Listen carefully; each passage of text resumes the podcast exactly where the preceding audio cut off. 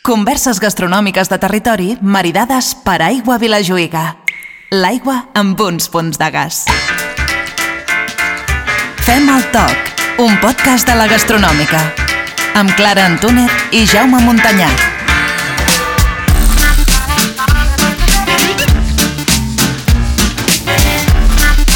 Hola, Jaume. Hola, Clara. Saps què pensava l'altre dia?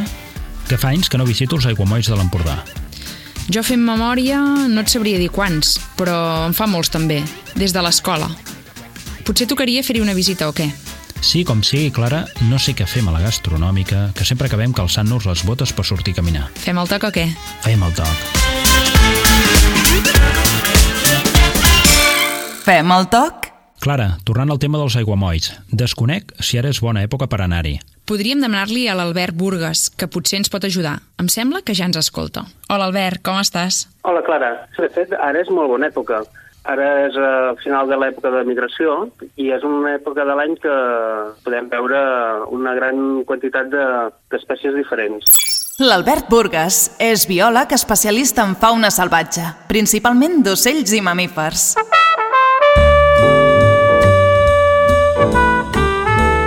Perquè tenim espècies que, que venen aquí a passar l'estiu i tenim també moltes espècies que, que estan en migració cap a zones més, zones més al nord, cap a centre Europa i fins i tot a, Sibèria, als països escandinaus.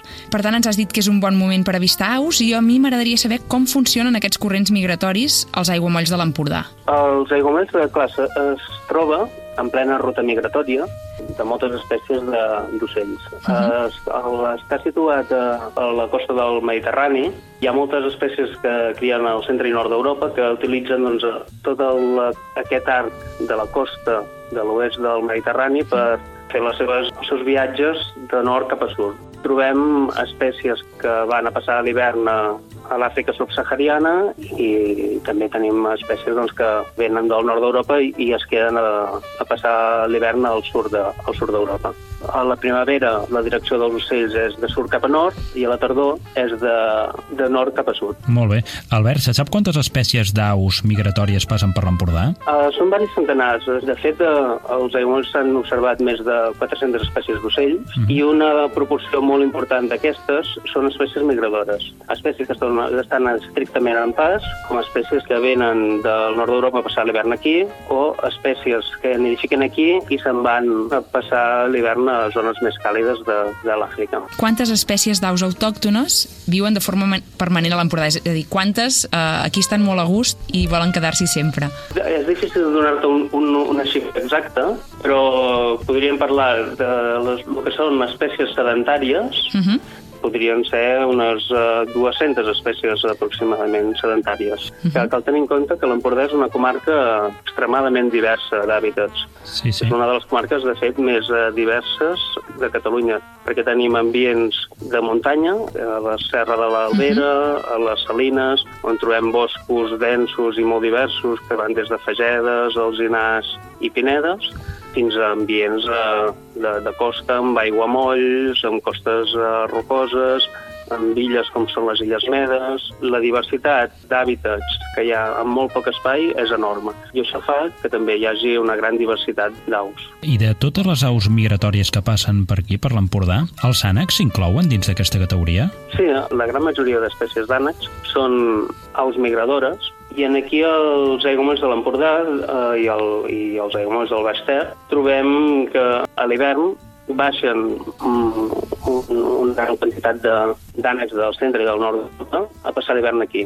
Cal, cal tenir en compte que els ocells de- d'ambients aquàtics amb més al nord a l'hivern, si es congelen els llacs, els rius i els aiguamolls, no poden accedir al menjar i això els obliga a baixar més, més cap al sud.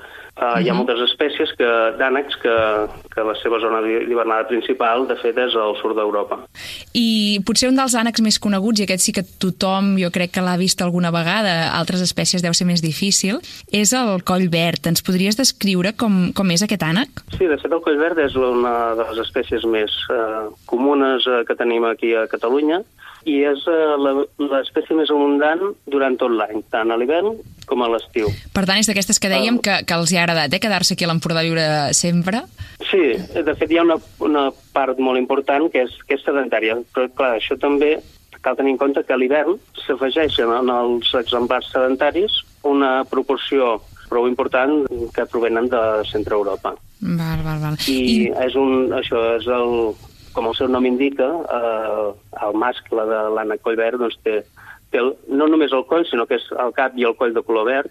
És un, un verd que té iridescències, que, que és, eh, depèn de com li incideixi la llum, eh, fa reflexos eh, verds i, blaus i a vegades doncs, sembla que sigui més aviat un coll blau que no pas un coll verd. I de mida, jo diria que és un ànec de mida mitjana, no sé si m'equivoco o Sí, normal. és un ànec que dins, dins de la diversitat d'espècies que d'ànecs que tenim a Europa seria entre mitjana i gran, per entendre'ns. Hi ha altres espècies com el cercet, el cervesclet o l'ànec collaró que són més petits. Uh -huh. Albert, què ho fa que el plomatge dels mascles sigui més cridaner i bonic que no pas el de les femelles? Això és degut a- al... se'n diu dimorfisme sexual i és degut a aquestes diferències de color a que els mascles exhibeixen aquests colors cridaners doncs, per atreure la, la femella i per indicar doncs, que és un, un mascle doncs, de, més saludable amb més bon estat de salut que, uh -huh. que altres mascles doncs, que potser tenen els colors menys llampants, perquè de cap i a la fi aquests colors eh, estan relacionats amb la, amb la salut de l'animal. I en canvi les femelles tenen aquests colors marrons, eh, críptics, que se'n diuen, per poder passar desapercebudes quan estan covant els ous. Que així doncs, Ah, és de- més- per camuflar-se. de detectar. Per camuflar-se una mica, no? Exacte. En el niu. Ostres, molt interessant. I quines són les races d'ànec o oca que més s'han domesticat? Quines consumim? La més, eh, potser més habituals en aquí que tenim a, a casa nostra diríem l'ànec mut, que és molt, uh -huh. molt popular, encara avui en dia a moltes cases de pagès, i després també hi ha derivats eh, domèstics de l'ànec collverd, que moltes vegades doncs, eh, ja no tenen aquests colors típics com el dels ànecs eh, collverds salvatges, sinó que tendeixen a més a colors blancs, pigallats... No són tan exuberants, oques, doncs. Després també tenim l'oca empordanesa, que és una raça autòctona i, i amenaçada de- d'aquí de, la comarca. Uau, fascinant. I amb tots aquests apunts ja podem anar a fer una visita com cal als aiguamolls. I moltíssimes gràcies, Albert. Ha sigut un plaer. Moltes gràcies a vosaltres.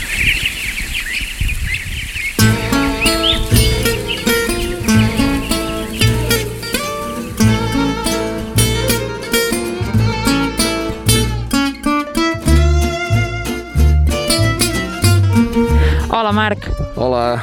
El Marc Solà és el responsable de Collverd, una empresa pionera a l'estat espanyol dedicada exclusivament a criar i engreixar ànecs per elaborar foie gras.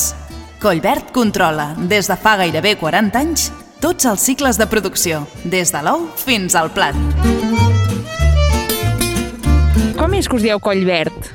Doncs el nom és perquè l'ànec de Collverd és un ànec molt bonic, però no, no és l'ànec que nosaltres utilitzem. El que passa que quan es va muntar l'empresa, que va ser en Gregori Solà, el meu pare, doncs li semblava un ànec que era molt maco, sobretot el mascle, amb aquest coll així tan, tan verdós i tan lluent, i mira, vam posar aquest nom, i així s'ha quedat. Quants anys fa que us dediqueu a l'elaboració de foie gras? Dius el teu pare?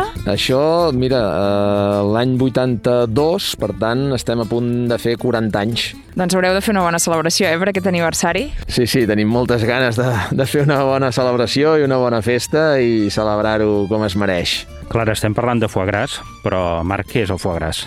El foie gras és el fetge de l'ànec que ha estat alimentat amb blat de moro i això és un procés eh, natural que fan els ànecs i les oques per fer les migracions on es toquen en el seu fetge energia per poder fer migracions. Llavors s'alimenten eh, d'una manera compulsiva de gra o del que troben en la natura i tota la metabolització dels greixos d'aquests cereals els guarden en el, en el fetge i aquesta energia amagatzemada els hi permet fer grans volades sense haver de parar a repostar o alimentar-se per anar d'una aigua molla a una altra. I per tant, per fer foie gras necessites un ànec o una oca al qual tu li dones una alimentació i ell metabolitza aquesta alimentació i l'amagatzema en el fetge. Per això el fetge es transforma en un fetge gras, en català. El nom que tothom utilitza és el, el denominatiu francès, que és foie gras. Doncs així és una manera de supervivència no?, que tenen els, els propis ànecs. Marc, avui estem a la granja i, de fet, hem vist ja un parell de granges on hem pogut veure pollets i ara tenim uns ànecs més grans, que el que ens ha sorprès és que no tenen el coll verd. No, és el que dèiem, eh? que l'ànec coll verd és molt bonic, però el que s'utilitza per fer foie gras, l'ideal, és l'ànec molar. L'ànec molar és un ànec que és un creuament entre un ànec barberí, que seria l'ànec originari dels Andes, i un ànec pequín, que seria l'ànec asiàtic, el típic ànec blanc, el xerraire, el, el típic, eh, per dir alguna Pato Donald, no? per, per dir-ho d'alguna manera. Doncs el creuament d'aquests dos d'aquestes dues races ens dona un ànec molar. Aquest ànec molar no es pot reproduir per ell mateix.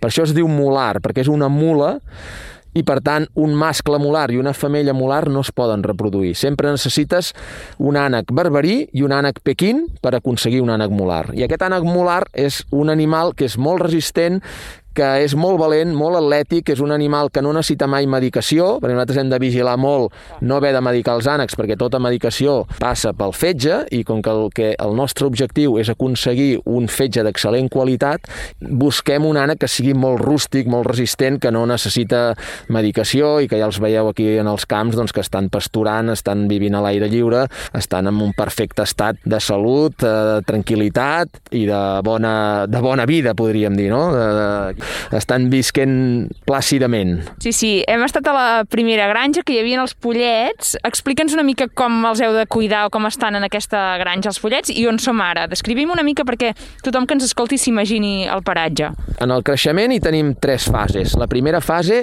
és el pollet quan ha sortit de l'ou, dels incubadors, d'acord? Necessita encara escalfor fins que no treu la primera pluma. Llavors, aquesta fase sol durar unes 3 setmanes. Aquestes 3 setmanes els tenim amb unes naus tancades, amb calefacció, perquè simuli una mica l'escalfor que li pot donar la seva mare amb, la seva, amb les plumes en els ànecs.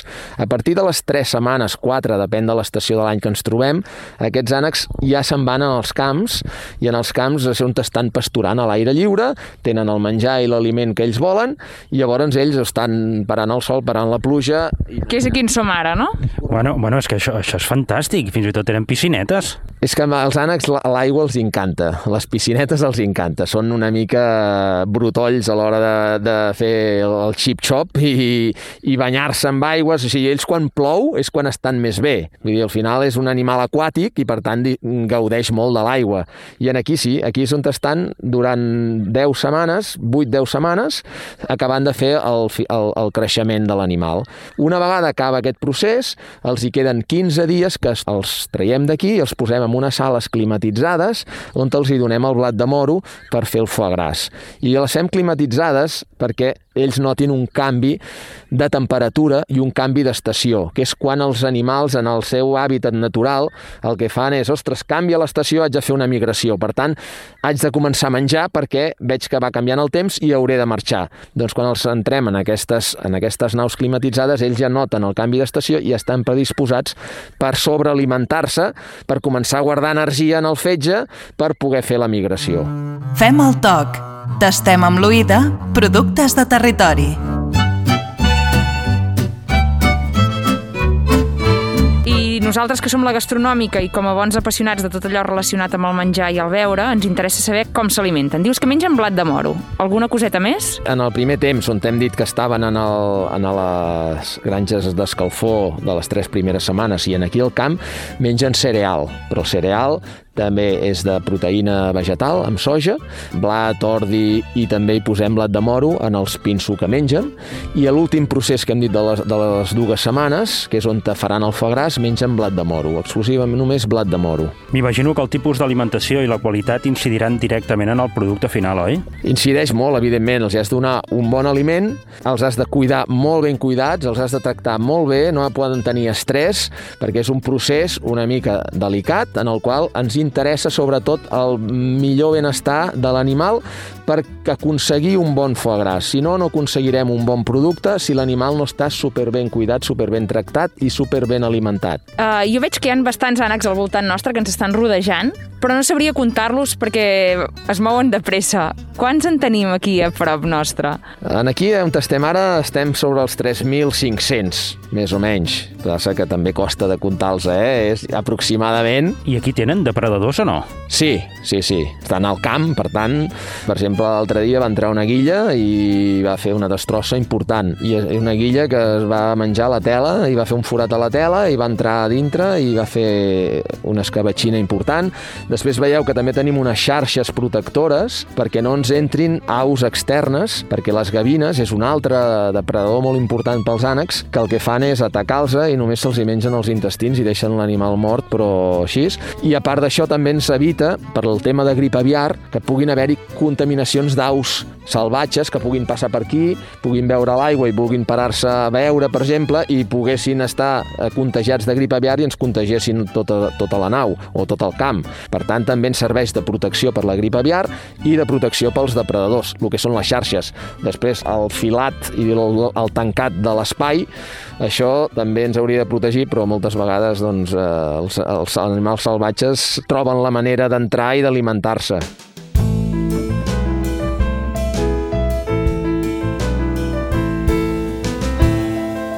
Marc, qui va inventar aquest producte? Com es va fer famós? Home, això ja ve de fa molts segles, que els egipcis ja, ja ho feien, ja, ja embocaven oques, i van descobrir una mica també amb els aiguamolls del Nil, hi havia molta migració d'aus, trobaven ànecs o oques mortes i veien que tenien un fetge molt gros, el menjaven i van, van veure que era un gran producte, i a partir d'allà ja es va començar a parlar del, del foie gras, però això es va traslladar després a, a l'estat francès, no? que és l'estat doncs, per antonomàcia on més foie gras es, es produeix o on més foie gras es produïa. Fa 40 anys només es produïa a França, no es produïa a cap altre lloc. Llavors, fa quasi això 40 anys, no? doncs el meu pare, un neo-hippie rural sortit de la ciutat de Barcelona, va voler fer de pagès i va provar això, va anar a aprendre dels, de com ho feien a França i ho va doncs, començar a fer aquí a, aquí a Catalunya i hem començat doncs, a, a fer una mica com feien ells, no? el sistema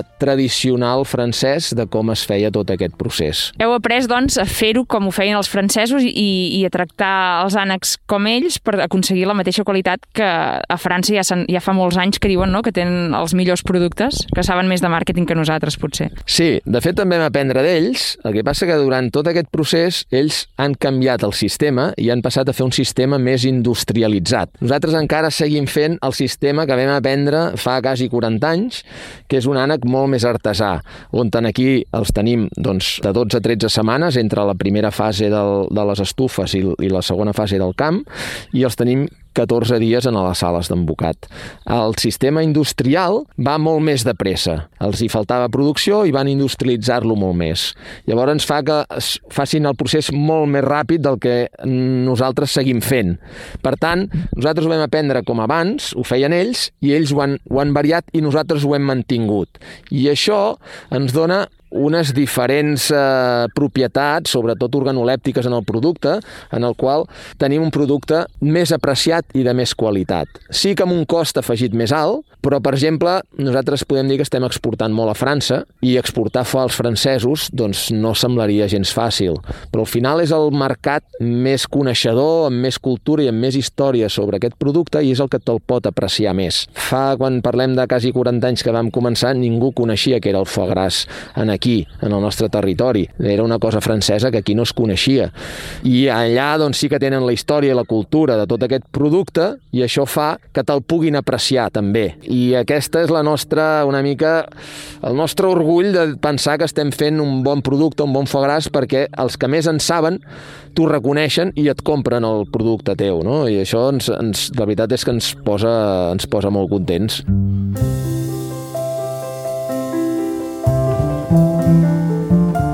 Fem el toc, un podcast de la gastronòmica, amb Clara Antúnez i Jaume Montanyà.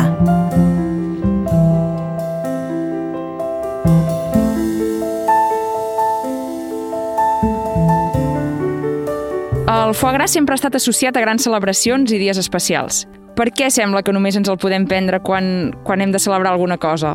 Home, ve ser una mica un producte luxós, té el seu cost, evidentment, i sí que és un producte sobretot molt estacional per l'època de Nadal, no? dels grans àpats de Nadal, també és un producte bastant calòric i el Nadal doncs, amb l'hivern doncs, també convida més, però sí que una mica a, a base d'anar-lo coneguent s'ha anat eh, difonent una mica durant tot l'any. Sí que l'època de Nadal és una època més de més consum, però també ara ja durant tot l'any ja es va arrossegant una mica el consum una mica ben, ben, ben per tots els mesos de l'any, potser els, els dos primers mesos de l'any, gener febrer, que tothom ve de les grans festes i grans menjars, doncs la gent es relaxa una mica, però sí que ja per Setmana Santa, estiu i tots els mesos doncs ja és un producte que es consumeix bastant sovint.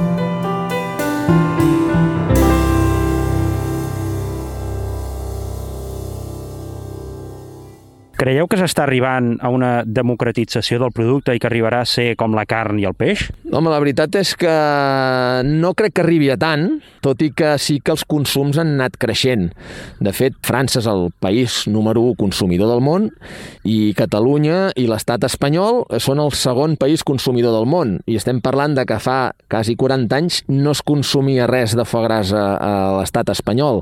Ara és el segon país consumidor del món. Que es va coneguent més i que es va arribant a més llars de particulars i que les cartes dels restaurants ara ja és pràcticament present a tots, sí. D'aquí a una democratització crec que encara no hi hem arribat i tampoc esperem que hi arribem perquè al final és un producte distintiu, no, no pot ser un producte massificador perquè després eh, la gent voldrà, una mica com fan a França, industrialitzar els processos i al final no estarem parlant d'aquest producte tan màgic i tan apreciat, sinó que potser li canviarem algun procés i el farem eh, no tan exclusiu, no tan preciat. Quin aprofitament de l'ànec es pot fer més enllà del foie gras? Tot l'animal s'aprofita quasi tot? De l'ànec diuen que és com el porc, que el podem aprofitar tot. El que passa que hi ha productes que no surten rentables aprofitar-los. Bàsicament, evidentment, l'objectiu més principal és el foie gras, després les petxugues que en els ànecs de foie gras es diuen magrets, només es pot dir magret d'una petxuga d'un ànec embocat mascle, llavors les cuixes, les ales, els pedrers, els cors, tota la pell serveix per fer greix, per fondre i fer i confitar totes les parts de l'ànec.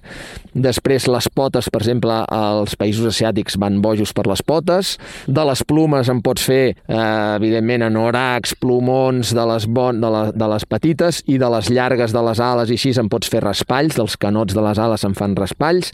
Vull dir que al final les llengües ara també van molt buscades per receptes que va crear en Ferran Adrià en el Bulli i ara s'ha extès molt. S'aprofita tot. El que passa que hi ha productes que no surten rentables a aprofitar i si te'ls demana els fas, però no els fas habitualment. Som a punt d'entrar a Collbert Lab, un espai gastronòmic dedicat a la investigació, al desenvolupament i la formació, que té com a objectiu donar a conèixer la cultura de l'ànec als amants del foie gras i als diferents productors de l'Empordà. Allà ens hi espera el cuiner Jordi Ávila.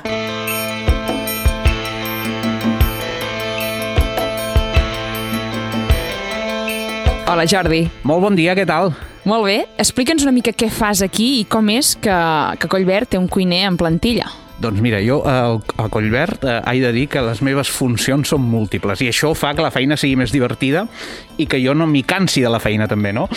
I realment treballar amb tot l'equip de Collbert és molt, molt divertit, però sempre és un aprenentatge continu, no? I aquí al Collbert Lab el que estem fent és desenvolupar tots aquests productes que hi ha demanda al mercat i que no hi són. Demanda vull dir perquè moltes vegades els productes de, del foie gras han estat enxubats, no? Eh, tots han de ser, o sigui, el natural, foie gras micuit, foie gras celler, que després entrarem i explicarem què és una cosa i què és una altra, i després els foie gras dolços, no? Pues no, hi ha tot un camí també, a part del foie amb figues, que és un top i que agrada molt, pues poden desenvolupar altres productes.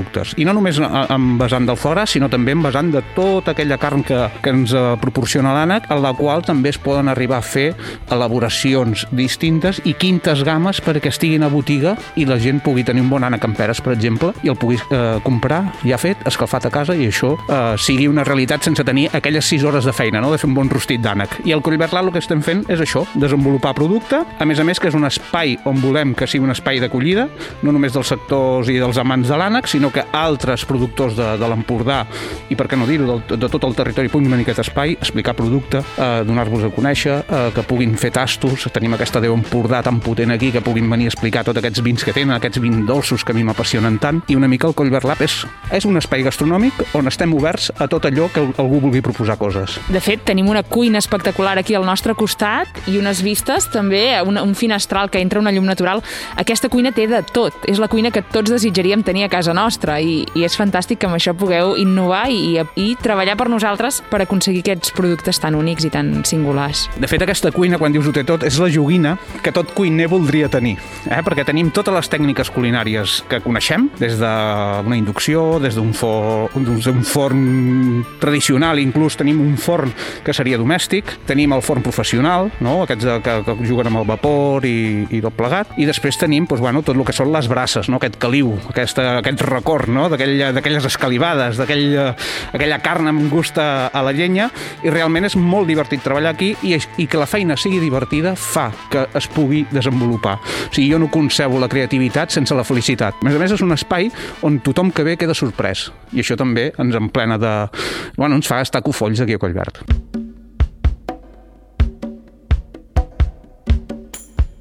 Fem el toc.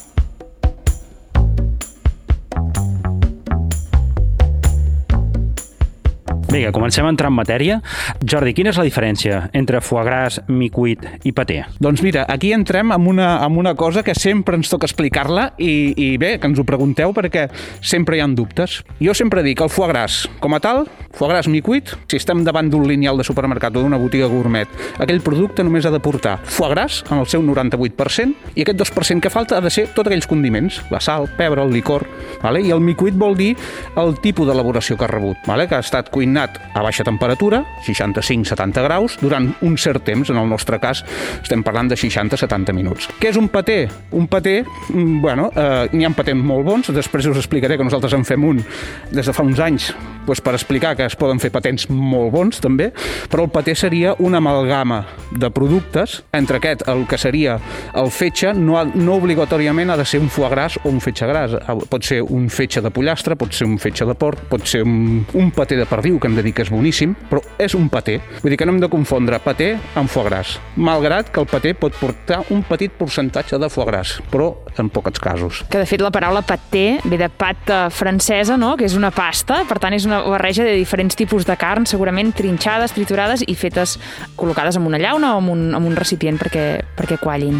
Exacte, això que està explicant la, la Clara és així i nosaltres, mira, aprofito aquest fil que ja m'has donat, doncs mira, us explicaré el que és el nostre paté al foie gras vale? que hem fet el típic eh, paté del Pirineu, aquest típic eh, paté de carn de porc, de careta, d'orella, de carn de porc, vale? i llavors és el que hem fet per dir, anem a fer el paté al foie gras que ens agradaria menjar, no? Això és un clàssic ja de Collverd. En el seu moment, la primera edició de Girona Excel·lent, aquest distintiu agroalimentari que tenim a la, a la província de Girona, ja va tenir el segell aquest de qualitat eh, per la singularitat del producte. Com està acabat aquest paté que diguem el foie gras? Pues amb un cor de bloc de foie gras al mig. I és una conserva que tu pots tenir a casa eh, durant un temps i l'únic que necessites és que passi per nevera abans de consumir consumir-se, però és una conserva que tu pots tenir dos anys guardada al raó sense cap mena de problema i això seria el nostre paté. Quina salivera m'està entrant, jo és que no puc dedicar a aquestes coses. Sí, sí, déu nhi I és igual el foie gras d'ànec que el d'oca? No és igual perquè el dànec eh, és el dànec i el doca és el doca, però hem d'aclarir amb això perquè hi ha molta, hi ha molta llegenda sobre el foie gras d'oca, que sí que se'n fa o se'n feia, però hem de dir que això, ara la producció del foie gras d'oca és anecdòtica, vull dir que no se'n troba, no n'hi ha, i, i és per una qüestió que no se'n faci. Poder equival al 0,5% de la producció de foie gras és, és d'oca només. Però per què? Perquè l'ànec és molt agraït. L'animal és molt manso, és un bon animal per treballar, és un bon animal en, en, a nivell de salut, resisteix molt bé, eh, no cal estar-li molt a sobre, l'únic que necessites és estar feliç i estar al camp. I l'oca, què ens passa amb l'oca? L'oca és molt més valenta, és una mica més punyetera, l'oca és, una bona, és un bon sistema d'alarma si tenim una masia, una granja o així, és un bon sistema d'alarma, i fa un bon foie gras, però no fa una bona carn. I què ens passaria aquí? Pues que nosaltres ens guanyem la vida perquè venem tot de l'ànec, com deia en Marc. No? De l'oca no té, no té aquesta carn que tingui tant de valor i no està molt suda.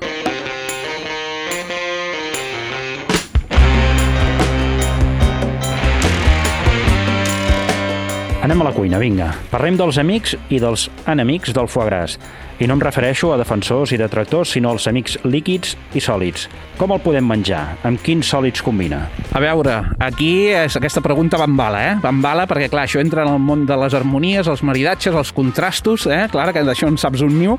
El foie gras en si, el que necessitem és tenir clar quina és la peça que tenim davant, per saber quin tractament li donarem i en què l'acompanyarem. Perquè a vegades donem per fet que el foie gras eh, s'ha de menjar calent o s'ha de menjar fred. Com ho fem, això? Mira, doncs, un micuit, un bon paté al foie gras, una bona mousse de foie gras, eh, un bon foie gras a la sal, l'hem de menjar fred. O sigui, el seu enemic quin seria en aquest cas? El pas del temps i la temperatura. Com s'ha de consumir? De la nevera a taula. No, no fem aquella bestiesa que fem quan tenim convidats, que deixem la taula ben parada allò a les 12 del migdia, en tot allà sobre, que quedarà molt maco. Hi ha productes que li anirà molt bé aquesta horeta d'estar de, airejant-se i d'agafant temperatura, com podrien ser pernils o com podria ser formatges. Fantàstic, no ho fem amb el foie gras. El foie gras, fins que no estigui l'últim comensal assegut a taula, no traurem el foie gras de la nevera, perquè si no quedarà aquella pasta, aquella mantega pomada, que ja no hi trobarem. Trobarem uns gustos massa, massa accentuats, massa forts de sabor i el que hem de fer amb el foie gras és deixar-lo que es fongui a la boca, que també aquí podem entrar. Una cosa que, que a mi m'agrada fer és allò d'untar-lo, bueno, està bé, es pot fer, cadascú que mengi com vulgui, però el bo, si estem davant d'un bon celler, un bon foie gras a la sal, un bon micuit, és fer-nos un deuet i deixar-lo que es fongui la boca i que treballi la boca. I notarem, per exemple, en el foie gras celler, notarem doncs, aquest, tot aquest punt de pomada i amb el micuit començarem a notar aquests gustos, aquest sal i pebre, tot plegat. I la millor manera d'acompanyar-lo, que no sé si anem cap aquí o no, quin és el millor... Els, els sòlids, mira, de sòlids jo tiraria per unes bones confitures, unes bones figues de Canbec, una... Bueno, tenim molt bon producte aquí a Girona que ja ve preparat per fer, però bueno, si tenim els que tenim nespres, els que teniu pomers a casa, ostres, feu-vos una bona confitura també, acompanyeu-lo amb una bona poma al forn. I de líquids, ostres, aquí me poseu en un dilema, eh? perquè jo viatjaria, però va, tirem cap a casa. Jo de líquids, mira, i això la Clara ens podrà fer algun aclariment, eh? Jo de líquids, a mi m'agraden molt els, vi, els vins dolços de l'Empordà. I moltes vegades els tenim relacionats a que han d'acabar han d'acabar festivals. Però un bon vi dolç també pot començar un festival. No sé si estàs d'acord amb mi, Clara. 100% d'acord. Un bon moscat, un bon moscatell dolç d'aquí a l'Empordà, amb, amb aquests foies gras, eh, aniran superbé. I per començar l'àpat com a aperitiu, estic molt d'acord. I després, una cosa que també li anirà molt bé, i aquí a l'Empordà cada vegada ens hi estem posant més, és amb el tema de les bombolles, no? Aquests vins escumosos, aquests caves, eh, això li juga molt bé perquè, bueno, també neteges molt bé el paladar i cada queixalada que fem d'aquest foie gras serà una meravella, serà una fantàstica i tornem a començar, no? Lo bo també que també succeeix amb els vins dolços, eh? però amb els espumosos mm, crec que, que més, i si no és així, Clara, corregeix-me, perquè aquí l'expert amb això ets tu, amb els espumosos fas un reset de la boca. Llavors es tornes a començar aquella festa, aquell celler, aquell fetge micuit serà, serà fantàstic. Per exemple, jo l'enemic líquid del foie gras i, i de, dels productes de l'ànec, jo per mi seria el vi negre, un vi negre amb molta criança, amb molta xitxa, molt cos, no, no li trobaria mai, no?, que hi va bé, busquem coses, altres coses, les bombolles, fantàstic, però també vins blancs amb acidesa, cosa una mica àcida perquè ens netegi la boca, el que deies, necessitem tornar a recomençar a fer aquest reset a, a les papil·les gustatives. Doncs jo crec que amb aquesta pinzellada que ens ha donat la, la Clara és fantàstic i, i després, enemics enemics, jo sempre diré una cosa, un enemic del foie, i ara deixem davant del maridatge, seria no que no estigui ben conservat, perquè estic pensant en l'aigua, amb la humitat d'una nevera. O sigui, això sí que hem de tenir-ho molt curosament, que, que hauríem de tenir una molt bona conservació. És a dir, que ara hem entrat en un altre món, que és a quina temperatura si els podem congelar, és a dir, com l'hem de conservar, el foie gras? El foie gras hem de tenir clar que tenim davant nostre. Per exemple, ens hem anat a aquestes bones carnisseries que tenim al país i ens han vengut un fetge sencer, vale? sense manipular, amb les venes i tot. La millor manera de conservar-lo, perquè clar, tindrem entre 600 i 700 grams de foie, foie gras fresc a casa i si som quatre comensals, anant bé, ens en sobrarà molt. Què farem? El llescarem de la mesura que nosaltres el vulguem fer a la planxa, si és que era per fer planxa, l'envasarem bé, si no tenim envasadora del buit, que cada vegada n'hi ha més a casa d'envasadores del buit, Siguem generosos amb aquestes voltes de film que li podem fer i ben, ben prensat amb aquest film i inclús tancat dintre d'un tàper, film i tancat d'un tàper, intentant evitar que tot aquest glaç que tenim als congeladors de casa entrin dintre del producte. I una altra cosa, a la nevera de casa, jo sempre ho dic, si ens hem fet nosaltres la terrineta o hem comprat un micuit i ens ha sobrat un tall, no ens encantem. Dos, tres dies i a consumir-lo, perquè si no després ve la debacle total i aquell producte va evolucionant d'una manera que ja no seria la que pertoca. I podem congelar-lo o no? Que això no m'ha quedat clar. Pots congelar-lo sempre i quan ho congelis bé. Què vol dir congelar bé? Que estigui ben protegit del congelador, que no entri res que no toqui dintre, d'aquella escarxa que fa i tal, i sobretot, si l'hem congelat molt bé, vol dir que l'hem de descongelar molt bé. Hem de recordar que el foie gras és molt punyetero. Estem davant quasi bé d'una mantega. Vull dir que si l'hem congelat molt bé i l'hem conservat molt bé, després passem del congelador a la nevera fins l'endemà per descongelar-lo. Si estem parlant d'un micuit i sabem que demà tenim convidats, escolteu, el teníem al congelador molt ben conservat, que no passa res, es pot congelar, posem a la nevera i l'endemà el traiem, quan sigui l'hora de consumir-lo. Ara sí que jo la salivera la tinc jo, eh? eh m'està venint una gana. I des de Collverd eh, tenim entès i sabem, perquè ja ho hem tastat nosaltres, eh, que heu desenvolupat productes amb grans cuiners catalans, grans cuiners francesos, és a dir, que us agrada molt, el Marc ens ho deia abans a, a, quan érem a la granja, us agrada molt innovar, crear i entre ells el, el foie gras en plàncton, per exemple. El foie gras en plàncton, jo no vull dir que juraria que ja estem al seu tercer quart any, si no, si no vaig eh, malament, i realment eh, hem de dir que el plàncton era un ingredient nou, quan vam decidir començar a treballar eh, amb, aquest, amb aquest aquest format, amb aquest producte nou, que era el micuit en plàcton marí, era un ingredient nou, un ingredient nou que s'havia certificat per consum humà, perquè hem de dir que era un ingredient que, estava, que no era pel consum humà, tot i que és una meravella i que a nivell nutricional, bueno, tots són, tots són virtuts. A l'hora de sortir aquest plàcton vam decidir que, que era una bon, bona manera de combinar-ho i fer aquest, aquesta mar i muntanya del segle XXI. No? A l'Empordà, si algú tenim, és que els mar i muntanyes eh, és un... Bueno, jo sempre ho dic, és una de les receptes insignes insígnia de la cuina empordanesa, de la cuina de la Costa Brava, de la cuina catalana, i per què no eh, l'equip de Collverd va decidir començar a treballar amb aquest, amb aquest producte, que no va ser fàcil, hem de dir-ho, perquè la combinació del plàcton, o sigui, el gust del plàcton és un gust potent, un gust amar, un gust que té aquell punt de gamba, a vegades va recordant, no? aquell punt a algues també, bueno, és una, una barreja de gusts marins, que era difícil, però hem trobat l'equilibri i l'anomenem el nostre plac, el nostre mar i muntanya del segle XXI. Hi ha una cosa que és excelsa, que és caviar i foie gras. Clar, la combinació està garantida, no? Amén. Clar, clar, un bon caviar, no? aquell punt salí, aquell punt d'umami que té el caviar combinat amb el foie gras, eh, doncs, eh, també és fantàstic. I arrel d'aquí hem de dir també, ja, ja ho hem dit abans amb el paté al foie gras, doncs el micuit en plàcton va entrar a la categoria de singulars amb un segell distintiu que és Girona Excel·lent.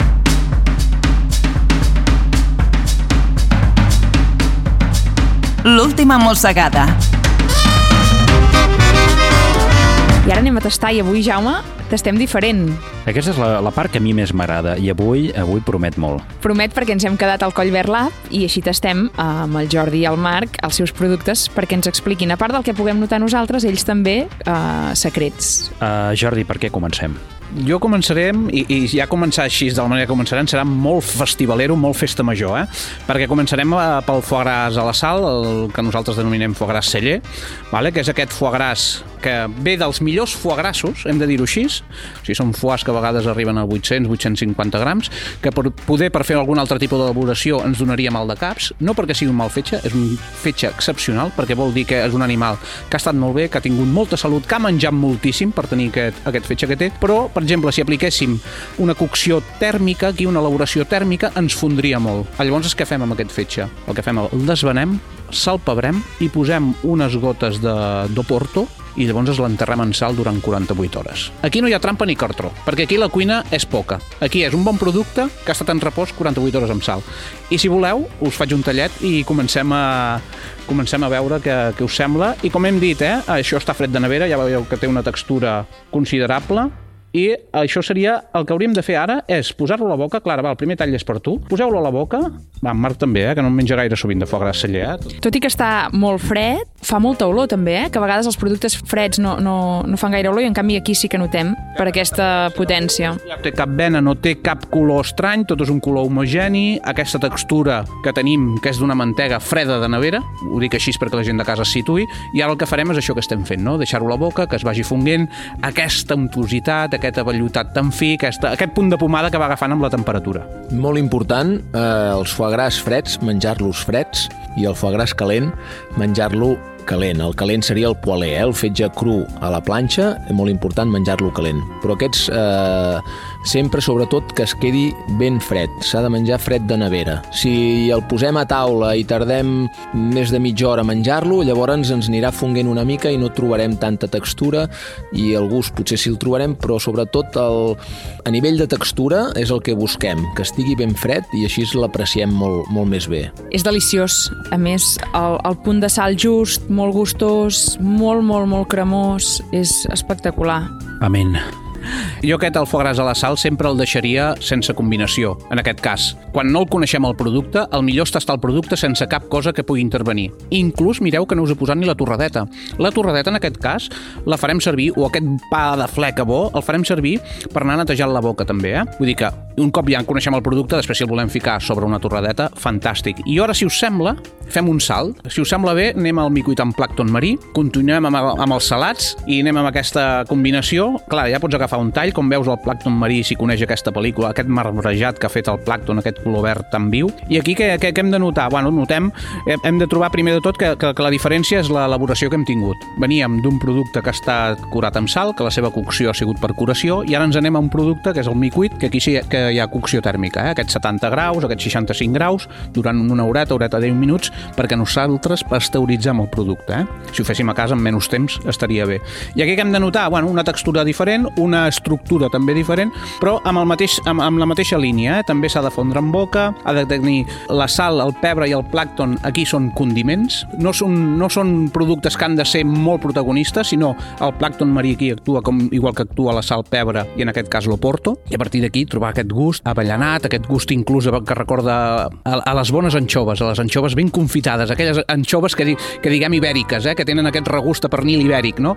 Hem de, hauríem de trobar això. Clara, com ho veus? Jo el trobo molt més gustós que l'anterior i amb una gamma d'aromes i de gustos diferents, però em costa posar-li un adjectiu o posar-li una paraula, eh? perquè és, una, és un producte tan nou que no hi ha referents i, per tant, em costa molt definir-lo eh, a nivell sensorial. És curiós.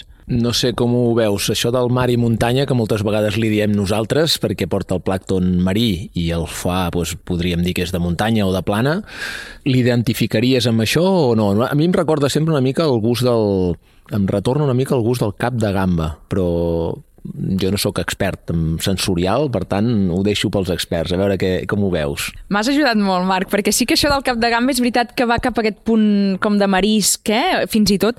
El tema de mar i muntanya, eh, 100% d'acord. De fet, no sé si Josep Pla aixequés cap i veiés això, també ho firmaria. Jo crec que sí, perquè ell n'explica molts de mars i muntanyes molt curiosos, i aquest seria el mar i muntanya del segle XXI, i jo crec que podem firmar-ho, eh? Jo també afegiria delinear, perquè no sé qui se li veu córrer posar aquest plàncton aquí, però, però la va clavar, eh? Doncs mira, aquí hem de, hem de dir una cosa. Va ser la sinergia de, de moltes persones. Aquí hem d'incloure un bon amic de, Bar de Barcelona, que era un apassionat, i és un apassionat del plàncton marí, quan hi havia aquella incomprensió, quan tu t'estaves allò, tal, sol, tal qual sol, i clar, no tenies una referència. Moltes vegades quan tastem coses, i això la Clara també ens ajudarà molt, sempre tirem de memòria, no? Busquem el nostre disc dur, bueno, aquest vi que m'ha recordat, hòstia, el préssec de vinya, aquest vi m'ha recordat a la pera, les avellanes, el no sé què, o aquest producte, no? I aquest, aquí en aquest producte, amb el plàcton marí, què passa? Que no tenim referència, no tenim memòria, no hi ha record, perquè és un ingredient nou. Llavors sí que és veritat, doncs, bueno, l'Albert Torrella ens va presentar aquest producte i aquí vam començar a treballar i va acabar amb aquest gran producte. Hem de dir una cosa, que no és de massa popular,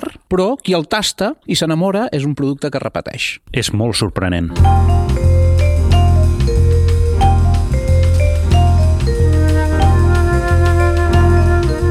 Bé, doncs hem fet el primer, no? aquest foie gras celler, hem fet el plat principal amb el mar i muntanya i ara hem d'acabar amb les postres. Acabem amb les postres i, escolta'm, és un, és un dels micuits que també ens fa molta il·lusió. A Collverd treballem amb il·lusions i per amor. I intentar ser feliços el màxim possible, eh? Llavors, aquest, el micuit amb figues, hem de dir que és un, un dels clàssics, té molta relació ja amb l'alimentació que tenien aquests animals eh, antanyo, i hem de dir que treballem amb la millor figa confitada que, que hi ha al país, per no dir a tota la península, que són la família de Can Bec, eh, aquesta figa confitada sencera, que aquí l'equip d'elaboració l'acaba de treballar perquè quedi ben integrada amb el micuit, 70 graus de temperatura, aquesta sal i pebre, i aquí la figa sí que és protagonista. I hem de dir que és una bona harmonia, és un bon casori, i ara anem a fer aquestes postres, a veure què hi trobem. Evidentment trobarem aquesta dolçor, vale? aquesta dolçor, aquesta morositat de la figa i trobarem aquesta textura també d'aquesta de, del micuit, que també jo aquí mm, obviem la torradeta. Anem a tastar-ho per primera vegada sense torradeta, ens el fiquem a la boca, el deixem fondre i després ja veureu que sí que anirem trobant. Va, clar, agafen un tall... Jo, jo haig de dir que és, és, és un tast memorable i si fem aquest, aquest podcast em sembla que és per això, eh? per, per tastar.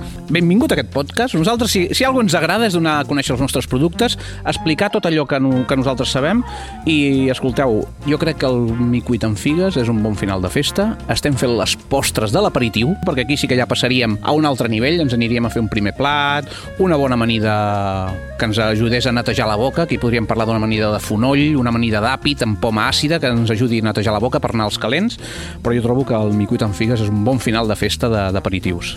I a més, eh, recordem que som a l'Empordanesos i la vila més important d'aquí de la nostra, del nostre territori és Figueres. Per tant, un flan figues, evidentment que lliga, lliga molt bé, no? Aquí has estat molt ràpid, eh, Marc? Bueno, Clara, què? Vols introduir-nos en aquest tast? El trobo deliciós. A mi el que m'al·lucina i m'ha al·lucinat tot aquest àpat sencer dins l'aperitiu és la cremositat, la textura d'aquest foie gras tota l'estona. I en aquest cas és divertit perquè part d'aquestes sensacions dolces que no empalagoses, perquè en cap moment el, la sensació de dolçor està per sobre de, del, del gust del foie gras, també hi ha aquest punt no, divertit de la figa, del crec-crec de les llavoretes de la figa que, que li donen una textura original i, i divertida. M'agrada molt això de llavoretes li ha donat aquest toc romàntic, eh? Una llavor que trobaríem que podria ser el crec-crec, i és veritat, la textura de la figa, malgrat que nosaltres l'hem treballat, aquesta figa sencera, comencem a notar aquestes coses, no? La, la llavor, una mica la seva pell, una mica la seva carn, ben integrada amb aquest micuit. I el que eh, m'ha agradat una cosa que m'ha dit, que m'ha dit que està molt ben integrat, perquè aquí l'equilibri és important. Perquè aquí si poséssim més figa de la que toqués, estaríem menjant figa. I aquí el que busquem és que ningú guanyi a ningú. I que millor que acabar això dient que ha sigut un bon casori, una bona trobada amb vosaltres. I jo quan veig en Marc somriguent així, ja somriu sempre el jefe, eh? Ja somriu sempre. Quan el veig somriguent així vol dir que la cosa ha anat bé. Sí, la veritat és que ha anat molt bé. Moltíssimes gràcies, Jaume, Clara, la gastronòmica. Eh, sou uns cracs i per nosaltres un plaer poder-vos acompanyar en un dia com avui. Moltíssimes gràcies a vosaltres per acollir-nos a, a casa vostra, que, que sempre ens ve molt de gust i aprenem i disfrutem, que és del que es tracta.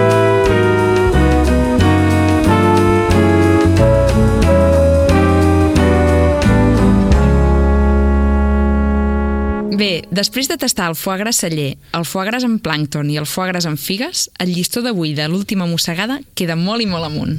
A veure què ens inventem pel proper podcast, Clara.